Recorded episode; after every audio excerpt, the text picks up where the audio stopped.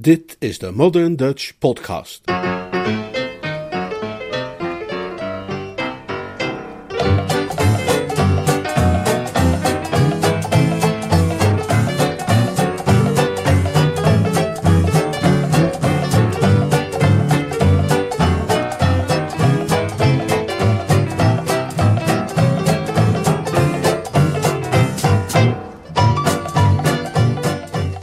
Graag gedaan. Een roman van P.G. Woodhouse, Service with a Smile, in twaalf hoofdstukken. Vertaald en voorgelezen door Leonard Peug.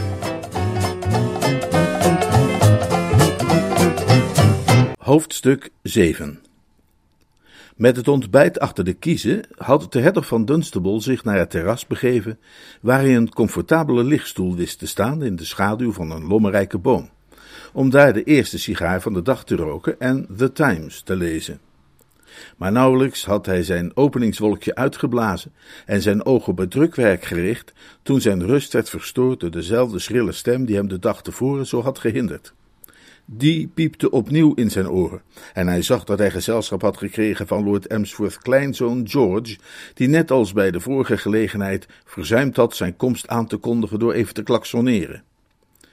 Hij gaf de knaap geen draai om zijn oren, want daarvoor had hij uit zijn stoel overeind moeten komen, maar hij wierp hem wel een onaangename blik toe. Verstoring van zijn geheiligd uurtje na het ontbijt placht de duivel die in hem sliep te wekken. Maak dat je wegkomt, knul, baste hij. Donderop bedoel je zeker, niet, makker? zei George, die van duidelijke taal hield. Maar ik wil even met je overleggen over die tentkwestie. Welke tentkwestie? Wat er vannacht gebeurd is met die tent.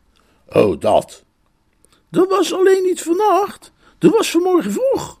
Geheimzinnig geval. Heb je daar al een mening over gevormd? De hertog bewoog zich geërgerd. Hij betreurde de misplaatste vriendelijkheid die hem ertoe had gebracht kasteel Blandings op te fleuren met zijn aanwezigheid. Het was het bekende liedje. Op een zwak, weekhartig moment zei je tegen jezelf dat Emsworth en Connie en de rest van die lui die daar ginds zo'n saai leven leiden, wel weer eens wat stimulatie konden gebruiken door het contact met een ontwikkelde en doorgewinterde man van de wereld. Vervolgens offerde je jezelf op en kwam je hierheen en voor je het wist sprong iedereen in de vijver of bood je 500 pond om een varken te stelen of begon met een schrille stem in je oor te krijzen enzovoort en zo verder. Kortom, binnen de kortste keren was het hier een verdomd inferno. Hij slaakte een dierlijke kreet die zelfs na gefilterd te zijn door zijn snor een indrukwekkend geluid opleverde, maar die de jonge George niet vermocht te bewegen. George veronderstelde alleen dat zijn bejaarde vriend wellicht een of ander insect in de borstholte had gekregen. Hoe bedoel je, heb ik daar mijn mening al over gevormd? Dacht je dat een drukbezet man als ik tijd had om zich met dergelijke onbenulligheden bezig te houden? Donder inderdaad op, ventje, en laat me mijn krant lezen. Zoals de meeste kleine jongens had hij de onverstoorbare halstarrigheid van een horzel.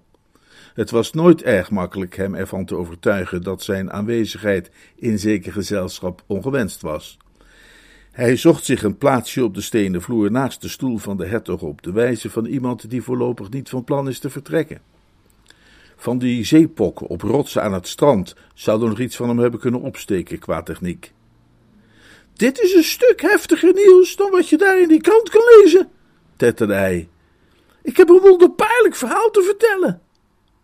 Ondanks zichzelf ontdekte de hertog dat hij toch enige interesse in die kwestie begon te ontwikkelen. Neem aan dat jij weet wie het gedaan heeft, hè? zei hij spottend. George haalde zijn schouders op. Afgezien van de onmiskenbare feiten dat de schurk een vrijmetselaar moet zijn en linkshandig en dat hij tabak pruimt en gereisd moet hebben in het Midden-Oosten, ben ik nog niet tot enige conclusie gekomen. Waar heb jij het dus hemelsnaam over? Nou, dat zei ik alleen maar om het interessanter te laten klinken. In feite was het grootpapa. Hoe bedoel je, het was grootpapa? Wie was grootpapa? De schurk. Wil jij me nou vertellen dat jouw grootvader. Woorden schoten de hertog tekort. Zijn mening over het IQ van Lord Emsworth was, zoals wij weten, weliswaar negatief, Maar de extreme mate van geschiftheid die nodig was voor het voltrekken van een daad als die waar zij het nu over hadden, rekende hij hem toch niet aan. Toen hij er echter nog eens over nadacht, realiseerde hij zich dat er best wel eens iets in zou kunnen zitten wat de jongen zei. Uiteindelijk was het maar een klein stapje van aanstellerig geleuter over een varken naar het voor dag en dauw doorsnijden van scheerlijnen. Waarom denk jij dat? vroeg hij, nu toch beslist al enigszins opgewonden. George zou graag gezegd hebben: Je kent mijn methoden, pas die eenvoudig toe. Maar dat zou tijdverspilling geweest zijn en wilde graag verder met zijn verhaal. Zal ik het je vertellen vanaf het begin, zonder een enkel detail over te slaan, hoe onbeduidend ook? Natuurlijk, natuurlijk, zei de hertog. Hij zou er, ik ben een en al oor, aan hebben toegevoegd als die uitdrukking hem bekend was geweest. Hij zou gewild hebben dat de jongen een stem had in een wat lager register, maar wegens het belang van wat hij te zeggen had, was hij bereid verder tegen zich te laten tetteren. George zette zijn gedachten op een rijtje. Um, vanmorgen om vijf uur was ik in de keuken. Wat moest jij op dat uur in de keuken? Oh, gewoon een beetje rondkijken, zei George op zijn hoede. Hij wist dat er een school van denkers was die een afkeur bezat van zijn dubbele ontbijten, en dat het onverstandig zou zijn informatie te verstrekken die uiteindelijk bij Lady Constance terecht zou kunnen komen, die het hoofd was van die school. Ik uh, was daar eigenlijk maar toevallig naar binnen gegaan, zeg maar. Ja, en? Ik was er nog maar een paar tellen binnen toen grootpapa binnenkwam. Hij had een mes bij zich. Een mes? Een, een van een kromzwaard. Hoe bedoel je bij zich? Nou, hij liep ermee te zwaaien. Hij gedroeg zich heel vreemd en er lag een wilde glans in zijn ogen. Dus ik zeg tegen mezelf: Ho! Wat zei je tegen jezelf? Ho! Hoezo, ho? Nou, zou jij nog geen ho gezegd hebben? De hertog overwoog die vraag en begreep dat de knaap daar een punt had. Ja, dat zou me ongetwijfeld verrast hebben, gaf hij toe.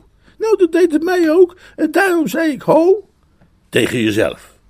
Ja, natuurlijk. Je kunt niet hard op hoog gaan lopen zeggen tegen andere mensen. Maar goed, toen ging je dus naar binnen en ik hem achterna. Waarom? Gebruik je harsens, grote reus, betoogde George. Je kent mijn methode, pas die eenvoudig toe, zei hij, blij dat hij er die toch nog in kon krijgen. Ik wilde weten wat hij van plan was. Natuurlijk, heel begrijpelijk. En toen? Hij liep naar de vijver. Ik sloop achter hem aan, gebruikmakend van elke mogelijkheid tot dekking. Hij ging regelrecht op die tent af en begon de scheerlijnen te slopen. Een plotselinge verdenking kwam bij de hertog op. Hij blies dreigend tegen zijn snor. Als dit een flauwe grap van jou is, jongeman. Ik zweer van niet. Ik heb hem de hele tijd in de gaten gehouden. Hij zag mij niet omdat ik goed verstopt zat achter een bosje vlakbij. Maar ik heb het van het begin tot het einde allemaal gezien. Ooggetuigen. Heb je de hond van de Baskervilles wel eens gelezen? Een ogenblik kreeg de hertog de indruk dat de geschiftheid van Lord Emsworth erfelijk was en op zijn kleinzoon was overgegaan eventueel nog versterkt door diens vader, de oudste zoon van de negende graaf, Lord Bosham, die hij kende als een van Engelands minst intellectueel begaafde types. Honden lees je immers niet, dacht hij, daar galoppeer je achteraan op paarden, onder het roepen van halali en wellicht tiro. Maar toen schoot hem te binnen dat de jongen het misschien over een of ander boek had. Hij vroeg of zulks het geval was en kreeg een bevestigend antwoord. Ja, ik dacht aan dat stukje waar Holmes en Watson in de mist op de loer liggen en wachten tot de boef iets gaat doen. Daar leek het erg op, alleen was er geen mist. Dus je kon hem duidelijk zien? Met het blote oog. En hij sneed die scheerlijnen door? Met het blanke mes. De hertog verzonk in een somber zwijgen. Als vele andere denkers voor hem voelde hij zich terneergeslagen bij de gedachte dat er nooit iets helemaal gaat zoals het moet in deze achterlijke wereld. Er ligt altijd wel een fatale steen in de weg waar je achter blijft haken, juist wanneer een gelukkig afloop binnen handbereik lijkt. Hij was een man met vrije opvattingen en had derhalve weinig moeite met een beschaafd stukje chantage. Het geluk van de Dunstables bood hem hier een schitterende gelegenheid tot zulk soort chantage.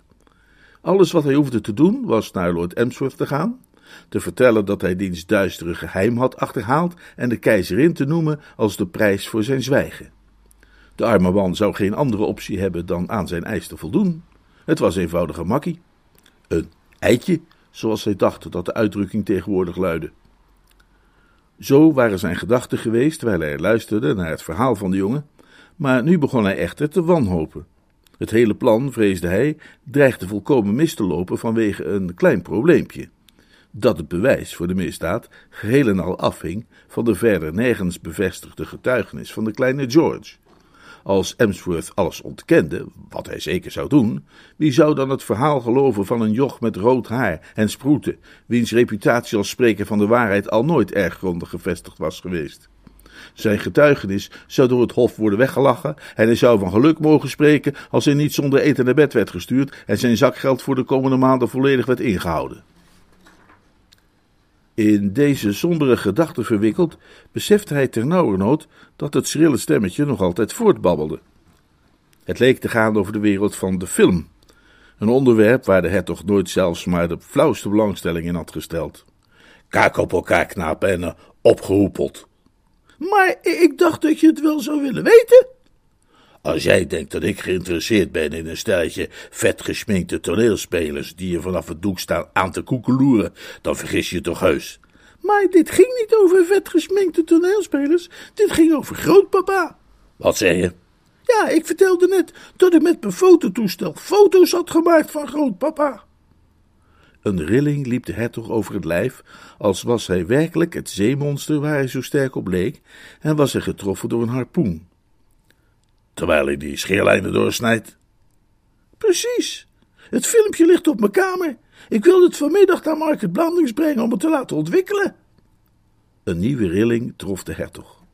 Hij was zozeer door emotie overweldigd dat hij nauwelijks kon spreken. Niet doen, niet doen. En, niks tegen wie dan ook zeggen hierover. En dat wilde ik ook niet doen.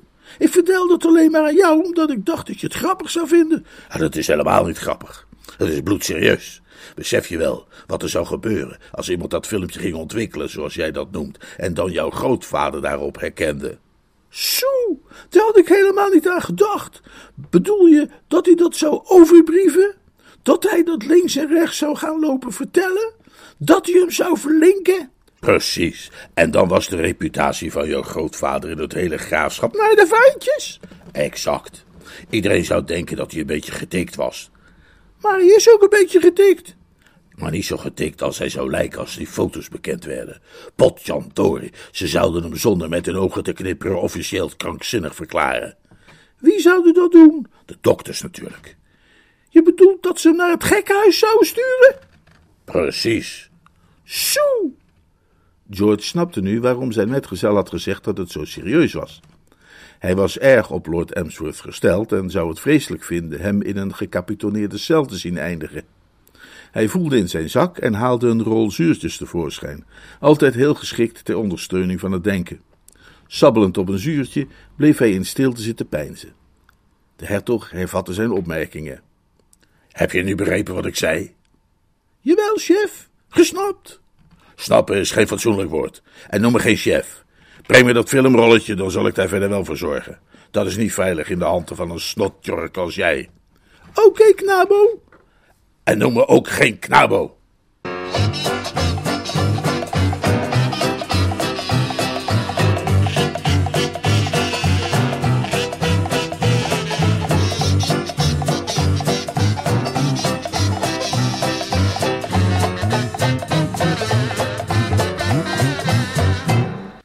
Er lag een tevreden glimlach op Lord Ickenham's gezicht toen hij zich in zijn hangmat nestelde na zijn gesprek met Lord Emsworth. Het stemde hem dankbaar dat hij de beste man gerust had kunnen stellen en zijn angsten bedaren. Er ging niets boven een inspirerend woordje, dacht hij bij zichzelf. Hij was inmiddels diep in een aangename rêverie verzonken, toen er naast hem een stem klonk en hij Lord Emsworth daar zag staan, ineengezakt als een vermoeide lelie in een rouwboeket. Behalve wanneer hij iets had om tegenaan te leunen, had de heer van kasteel Blandings trouwens altijd wel iets van een verleppende bloem. Het was alsof hij ergens vlak boven de taille een scharnier had zitten en mensen die er een vriendelijke uitdrukking voor zochten beweerden wel dat zijn rug een professorale kromming bezat. Lord Ickenham was gewend geraakt aan de wervelvrije verschijning van zijn vriend en verwachtte ook al lang niet meer dat hij nog ooit iets van een ruggengraat zou vertonen. Maar de blik van ontsteltenis op zijn gezicht was nieuw en die choqueerde hem. Hij sprong lenig uit zijn hangmat, vol bezorgdheid en medelijden. Lieve hemel, Emsworth, wat is er aan de hand? Is er iets mis? Enkele ogenblikken lang leek het erop dat het spreken de krachten van de negende graaf te boven zou gaan, en dat hij voor onbepaalde tijd ging volharden in zijn levendige verbeelding van iemand die zowel verlamd is als doofstom. Maar uiteindelijk nam hij toch het woord. Uh, ik, ik, ik, ik, heb, ik heb zojuist met, met, met Dunstable gesproken, zei hij. Lord Ickenham's verbijstering werd door die woorden niet verminderd. Ze leken de situatie niet te verhelderen. Persoonlijk gaf hij er de voorkeur aan niet met de hertog te spreken, een voorkeur die hij overigens deelde met de vele bekenden van de man in Wiltshire en elders, maar hij raakte er ook weer niet bovenmatig vanuit zijn evenwicht, wanneer het een keer niet te vermijden was, en hij vond het merkwaardig dat zijn metgezel daar zoveel minder tegen gewapend leek. Nou ja, dat is moeilijk te voorkomen, hè, vrees ik, als hij hier logeert. Ik bedoel, hij is hier gewoon en dan kom je hem natuurlijk af en toe tegen, is nogal logisch. Maar heeft hij misschien iets gezegd dat je van de wijs heeft gebracht? De angstige blik in Lord Emsworth's ogen werd nog wat angstiger. Het was alsof die vraag een naakte zenuw had geraakt. Hij slikte moeilijk, op een manier die Lord Ickenham deed denken aan een hond waar hij erg dol op was, maar die net zo'n soort geluid maakte als hij op het punt stond zijn maag om te keren na een dag van onzorgvuldige vleesconsumptie. Hij, hij, hij, hij, zei dat hij, de, dat hij de keizerin wilde hebben. Ja, wie zou dat niet? en dat ik haar aan hem moest afstaan. Dat je wat? Het, het, alternatief was, was, was te gruwelijk om erover na te denken. Hè? Hij dreigde om, als ik weigerde, aan, aan Constance te vertellen dat, dat ik het was die die scheerlijnen heeft doorgesneden. Lord Ickenham begon een beetje ongeduldig te worden. Hij had zijn metgezel al verteld, in bewoordingen die begrijpelijk moesten zijn voor de eenvoudigste geest, wat hij zou moeten doen als de verdenking op hem viel. Maar mijn beste kerel, weet je dan niet meer wat ik tegen je gezegd heb toen ik, toen ik je eerder over sprak in de bibliotheek? Blijf eenvoudig glashard ontkennen. Maar, maar, maar hij, hij beschikt over bewijs. Bewijs? Uh, uh, uh, ja, bewijs. het schijnt dat mijn, mijn, mijn kleinzoon George foto's van mij heeft gemaakt met zijn fototoestel. En Dunstable heeft, heeft nu, heeft nu het, het, het filmpje in zijn bezit. En ik heb George dat fototoestel nog, nog wel zelf voor zijn, voor zijn verjaardag gegeven. Hm. Ik weet nog dat ik tegen hem zei dat hij met dat, met, met dat ding iets beters te doen had dan kattenkwaad uithalen. iets beters dan kattenkwaad, zei Lord Emsworth bitter met de houding van een grootvader die het betreurt ooit zo dwaas te zijn geweest een zoon te verwekken, die op zijn beurt weer een zoon voort kon brengen die in staat was een fototoestel te hanteren. Er waren, naar zijn gevoel, veel te veel kleinzoons op deze wereld en veel te veel fototoestellen waarmee ze foto's konden nemen van hun grootvaders. Zijn opvatting met betrekking tot kleinzoons was, kortom, op dit moment sterk negatief. Terwijl hij zich na zijn verhaal slungelig als altijd verwijderde, waren zijn gedachten omtrent George bijna even vernietigend als die over de hertog van Dunstable. Lord Ickenham liet zich opnieuw neer in zijn hangmat. Zijn denkvermogens waren altijd het meest actief en behendig wanneer hij zich in horizontale positie bevond, en het was hem duidelijk dat er op dit moment grote behoefte was aan actief en behendig denkwerk. Tot nog toe was zijn streven om licht en luchtigheid te verspreiden en in ieder bij te staan met een lach, eigenlijk steeds met succes bekroond. Maar een man wiens levensdoel het altijd is geweest zijn medemens te dienen, zal niet snel op zijn lauweren gaan rusten, tevreden met behaalde resultaten. Hij zal zich op het heden en de toekomst richten. En het was dan ook Lord Emsworth's probleem, waaraan hij alle kracht van zijn machtig intellect nu wijde. Het was een probleem dat zonder meer boeiende aspecten vertoonde, waarbij hij moest toegeven er op dit moment nog geen oplossing voor te zien. Gezien de panische angst van de ongelukkige man dat de aandacht van Lady Constance gevestigd zou kunnen worden op zijn recente activiteiten, leek er geen andere optie mogelijk dan tegemoet te komen aan de eisen van de hertog. Het was een van die gelegenheden die in werkelijkheid vaker voorkomen dan in de film en op televisie, waarbij de boef als overwinnaar uit de strijd komt en de held aan het kortste eind trekt. De hertog van Dunstable mocht er dan misschien niet uitzien als de groene inlandse boom uit de psalm, de weelderige woekerplant. Alles wees erop dat hij zich minstens zo sterk ging uitbreiden. Al dus waren zijn gedachten, en hij had zijn ogen gesloten om ze beter te kunnen overwegen, toen een statige figuur de hangmat naderde en ernaast stilhield. Wijselijk beseffend dat er slechts een geringe kans bestond dat haar broer Clarence eraan zou denken Lord Ickenham inderdaad door te geven dat diens aanwezigheid in haar boudoir dringend was gewenst, had Lady Constance om Beach gescheld om hem als plaatsvervangende boodschapper nog na te sturen. De butler kuchte respectvol en Lord Ickenham opende zijn ogen. Neem me niet kwalijk dat ik u stoor, lord. Volstrekt niet, Beach, volstrekt niet, zei Lord Ickenham vriendelijk. Hij was altijd blij een praatje te kunnen maken met deze steunpilaar van kasteel Blandings, want een hartelijke vriendschap was opgebloeid tussen hen beiden tijdens zijn vorig verblijf op het kasteel, en dit tweede bezoek had daar alleen nog maar aan bijgedragen. Was er iets dat je me zeggen wilde? Het gaat om mevrouw, lord. Wat is er met haar? Wanneer het u gelegen komt, lord, zou zij u graag een ogenblikje spreken in haar boudoir.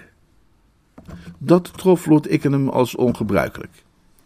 Het was de eerste keer dat zijn gastvrouw zo waar om zijn gezelschap had verzocht, en hij wist niet zeker of hij daar nu heel blij mee moest zijn.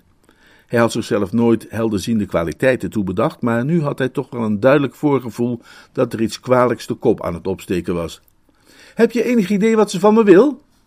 Butlers vertonen zelden enige emotie, en er was dan ook niets in Beach houding dat het meegevoel verriet dat hij koesterde voor de man die, naar zijn mening, een beproeving te wachten stond die wel enigszins te vergelijken was met die van de profeet Daniel bij het betreden van de leeuwenkuil.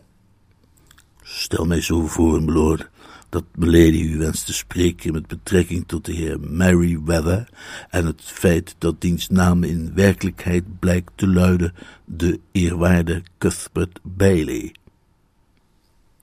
Tijdens zijn cowboyjaren had Lord Ickenham zich ooit ondoordacht opgesteld achter een temperamentvolle muilezel en was door dat dier in de buik geschopt. Op dit moment voelde hij zich zo ongeveer als toen, hoewel slechts een onwillekeurige schrikbeweging verriet dat hij niet in zijn gebruikelijke opgewekte en ontspannen stemming was. Oh, zei hij bedachtzaam, oh, dus uh, daar weet ze van. Ja, lord. En hoe ben jij daar dan weer achter gekomen? Ik was een onopzettelijke toehoorder bij een conversatie tussen zijn edelheid en Milady. Ik kwam toevallig langs de deur die zijn edelheid verzuimd had te sluiten. En jij kwam, zag en luisterde toe? Ik pauzeerde juist even om mijn schoenveter vast te maken. En het was mij onmogelijk niet te horen wat zijn edelheid op dat moment zei. En wat zei je dan wel? Hij bracht Lady Constance ervan op de hoogte dat Miss Briggs, nadat ze Mr. Merryweather's ware identiteit had ontdekt, hem geprobeerd had over te halen haar bij te staan bij het stelen van Lord Emsworth varken, maar dat Mr. Merryweather had geweigerd deel te nemen aan dat project omwille van gewetensbezwaren zijnerzijds. In zijn reactie daarop onthulde zijn edelheid dat Mr. Merryweather niet Mr. Merryweather was, maar Mr. Bailey. Lord Ickenham zuchtte. In principe had hij grote waardering voor de strikte ethische normen die zijn jonge vriend hanteerde, maar het viel niet te ontkennen dat diens hoge morele standaard ook wel eens heel onhandig kon zijn en een ongunstige invloed had op zijn geschiktheid als samenzweerder. De ideale persoonlijkheid om mee samen te zweren is een gluiperig achterbakstype dat zijn geweten tot zwijgen heeft gebracht op ongeveer zesjarige leeftijd en die je gewetensbezwaar nog niet zou herkennen wanneer je het hem presenteerde op een speciaal blauw schaaltje en gegarneerd met bearnaise-saus. Juist, zei hij. En hoe reageerde Lady Constance op die pikante informatie? Zij leek enigszins ontsteld, lord. Daar kan ik me iets bij voorstellen. En nu wil ze mij dus even spreken. Ja, lord. Om die zaak even precies uit te pluizen, neem ik aan, en van alle kanten te bekijken. Och, hoe raken wij in het eigen web verward, Beach, waar wij het weven met bedriegershart. Inderdaad, lord. Tja, nou, goed dan. Ik heb vijf minuutjes voor haar.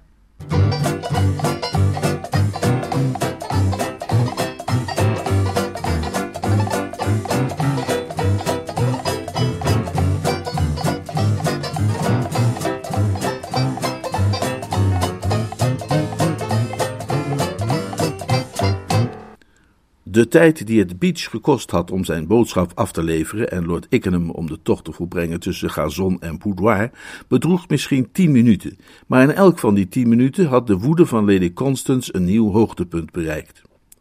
Op het moment dat haar gast de kamer binnenkwam, had zij juist bedacht wat een genot het zou zijn hem te villen met een bot mes, en de hartelijke glimlach die hij haar schonk bij het binnenkomen, leek haar ganse zenuwstelsel te doorklieven, zoals een gloeiende kogel zou doen bij een kluit boter. Ik schrijf het op, pompom, ik moet, ik schrijf hier neer. Iemand kan glimlachen en toch een schurk zijn, althans, dat weet ik nu, op kasteel Blandings, sprak zij tegen zichzelf. Biedt zij dat u mij wilde spreken, Lady Constance? zei Lord Ickenham met nog een nieuwe beminnelijke glimlach. Zijn houding was die van een man die zich verheugt op een aangenaam gesprekje over koetjes en kalfjes met een aantrekkelijke vrouw, en Lady Constance, frontaal geconfronteerd met die glimlach, besefte dat ze bij haar denkbeeld hem te villen met een bot mes nog veel te mild was geweest.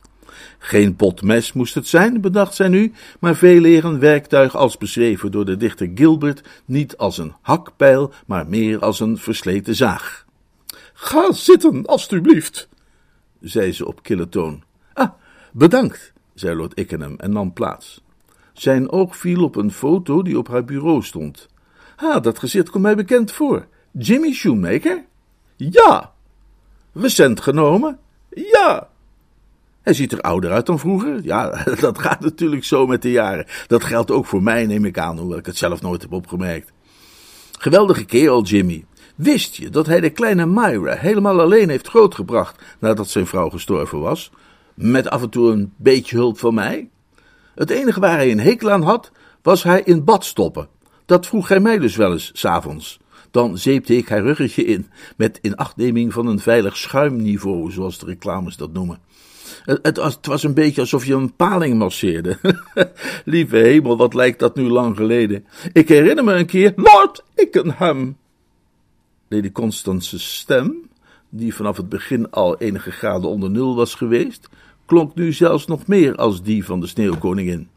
Zelfs de hakbijl, die meer oogde als een versleten zaag, leek haar nu niet meer het juiste gerief. Ik heb u niet gevraagd hier te komen om uw herinneringen aan te horen. Het was om u te vragen het kasteel onmiddellijk te verlaten. En met uw vriend Mr. Bailey. Ze zweeg en bespeurde een gevoel van matheid en teleurstelling. Ze had verwacht dat haar woorden hem in ernstige verwarring zouden brengen en zijn zelfgenoegzaamheid in gruzelementen zou smijten. Maar ze had kennelijk geen haar van zijn keurig gekamde coiffure weten te krenken. Hij bekeek nu een andere foto. Het was die van haar overleden echtgenote Joseph Keeble. Maar ze gaf hem geen kans daar vragen over te stellen. Lord Ickenham! Hij draaide zich verontschuldigend om. Neem me niet kwalijk, ik was even afgeleid. Ik, ik dacht aan die goede oude tijd. U zei dat u het kasteel ging verlaten? Nee, ik zei dat u het kasteel ging verlaten. Lord Ickenham toonde zich verrast. Ik heb geen plannen. Weet u zeker dat u mij bedoelt? En Mr. Bailey neemt u met u mee. Hoe durft u die onmogelijke kerel hier in huis te brengen? Lord Ickenham tastte bedachtzaam naar zijn snor. Oh, Bill Bailey. Ik begrijp wat u bedoelt, ja. Dat was wellicht iets van een sociale misstap. Maar bedenk, ik bedoelde het goed. Twee jonge harten in de lente, die werden uiteengedreven. Nou ja, niet in de lente dan misschien, maar toch dichterbij.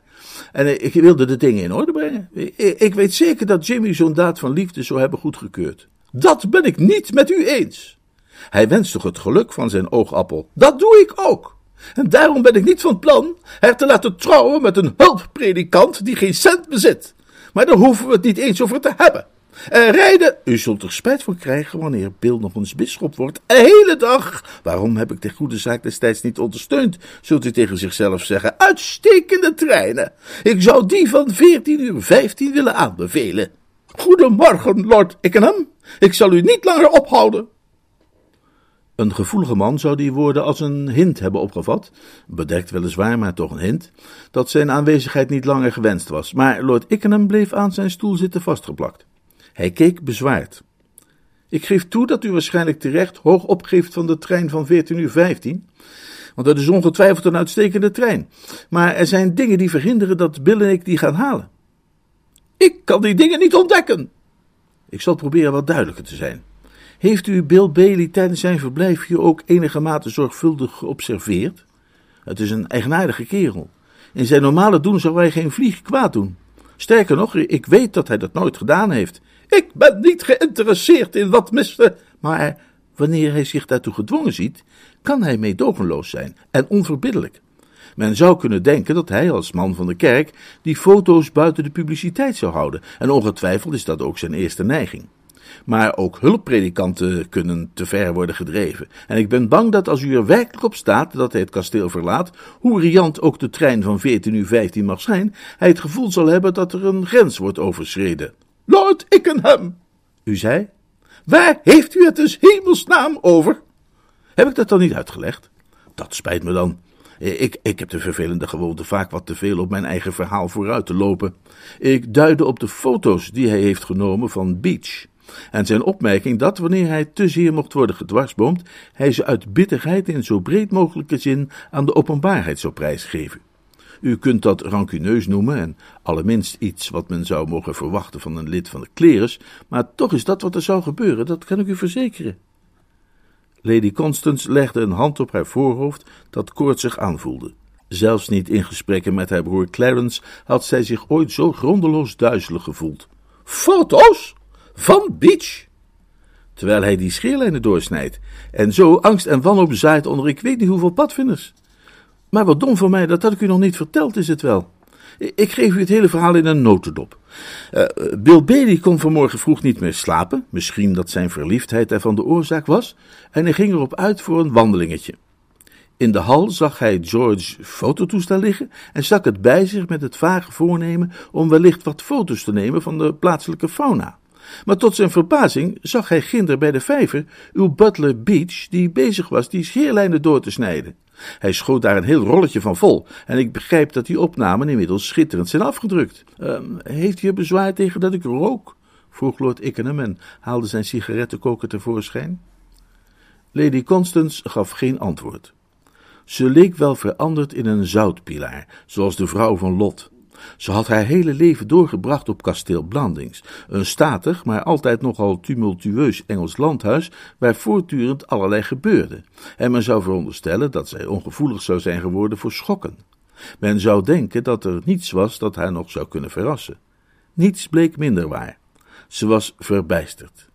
Beach. Achttien jaar had hij onberispelijk voor haar gebutlerd, en dan nu dit. Als ze niet op een stoel gezeten had, dan zou ze gewankeld hebben. Alles werd haar zwart voor de ogen, inclusief Lord Ickenham. Hij had een toneelspeler kunnen zijn, geschminkt voor de rol van Othello, die een inktzwarte sigaret aanstak met een sepia-kleurige aansteker. Het valt natuurlijk wel te begrijpen, ging die Afrikaans ogende man verder, wat er de impuls geweest moet zijn achter Beach onbezonnen daad. Emsworth heeft dagenlang een heilige oorlog gepredikt tegen die padvinders en alom verkondigd wat hij allemaal onder hen heeft moeten lijden. Het valt gemakkelijk in te zien dat Beach, die op feodale wijze aan hem is toegewijd, zich niet langer kon weerhouden. Het mes uit de schede en erop los, moet hij tegen zichzelf hebben gezegd. Het zal jou waarschijnlijk ook zijn opgevallen wat een sterke overeenkomsten de hele situatie vertoont met die kwestie rond wijlend Sint Thomas à Becket. Koning Hendrik bleef maar zeggen, zoals u je zult herinneren, wil dan niemand mij van deze weerspannige priester verlossen? Totdat een paar van zijn ridders besloten dat er inderdaad iets aan gedaan moest worden. Emsworth heeft, misschien met wat andere woorden, dezelfde verlangens geuit met betrekking tot die padvinders, en Beach, die zijn plichten als butler altijd heel serieus heeft genomen, heeft het als een van die plichten beschouwd het jonge geboefte te tonen dat misdaad niet loont en dat vergelding vroeg of laat zal volgen voor wie hoge hoeden afmikt met harde broodjes op schoolfeesten. Lord Ickenham onderbrak zichzelf een ogenblik om te kuchen, want hij had een mond vol rook in zijn verkeerde keel had gekregen. Lady Constance bleef nog even diep bevroren. Ze zag eruit als een standbeeld van zichzelf, vervaardigd in opdracht van een groep vrienden en bewonderaars. Zie je hoe buitengewoon lastig die situatie ligt? Of Emsworth Beach ook formeel heeft opgedragen de wet in eigen handen te nemen, zullen we waarschijnlijk nooit te weten komen, maar dat maakt weinig verschil. Als die foto's aan de openbaarheid worden prijsgegeven, is het onvermijdelijk dat Beach, die de schande onmogelijk zal kunnen dragen, zijn ontslag zal indienen. En bent u de beste butler kwijt die in heel Shropshire te vinden is. En nog eens wat, Emsworth zal ongetwijfeld bekennen dat hij de man heeft geïnspireerd en zo rechtstreeks verantwoordelijk was voor het gebeurde. Het valt in dat geval te voorspellen dat iedereen die iets te beduiden heeft in het graafschap hem daarop zal aankijken met schuinse blik, samengeperste lippen en opgetrokken wenkbrauwen. Wellicht zal men hem zelfs ontlopen tijdens de volgende landbouwtentoonstelling. Werkelijk, Lady Constance, als ik u was, zou ik er nog eens goed over nadenken of het wel zo verstandig is onze Bill Bailey zijn congé te geven. Ikzelf zal, wanneer u dat wenst, het kasteel tegen 14 uur 15 verlaten, hoewel met spijt in het hart, want ik ben erg op het gezelschap hier gesteld. Maar ik ben bang dat vriend Bailey zal moeten blijven. Misschien dat hij door zijn innemende persoonlijkheid na verloop van tijd uw huidige vooroordeel zal weten te slechten. Ik geef u dat bij mijn vertrek ter overweging, zei Lord Ickenham, en verliet met een hem kenmerkende vriendelijke glimlach de kamer. Geruime tijd nadat hij vertrokken was, ging Lady Constance pas zitten. Vervolgens, alsof er plotseling een licht was gaan schijnen in haar duisternis, maakte zij een onverwachte beweging en strekte haar hand in de richting van een van de vakjes in haar bureau, alwaar zij briefpapier, enveloppen, briefkaarten en telegramformulieren bewaarde. Ze selecteerde een van de laatstgenoemde, nam haar pen ter hand en begon te schrijven. James Schoenmaker, Park Avenue nummer 1000, New York. Ze dacht een ogenblik na. Daarna schreef ze verder. Kom onmiddellijk, zeer dringend, moet je spreken.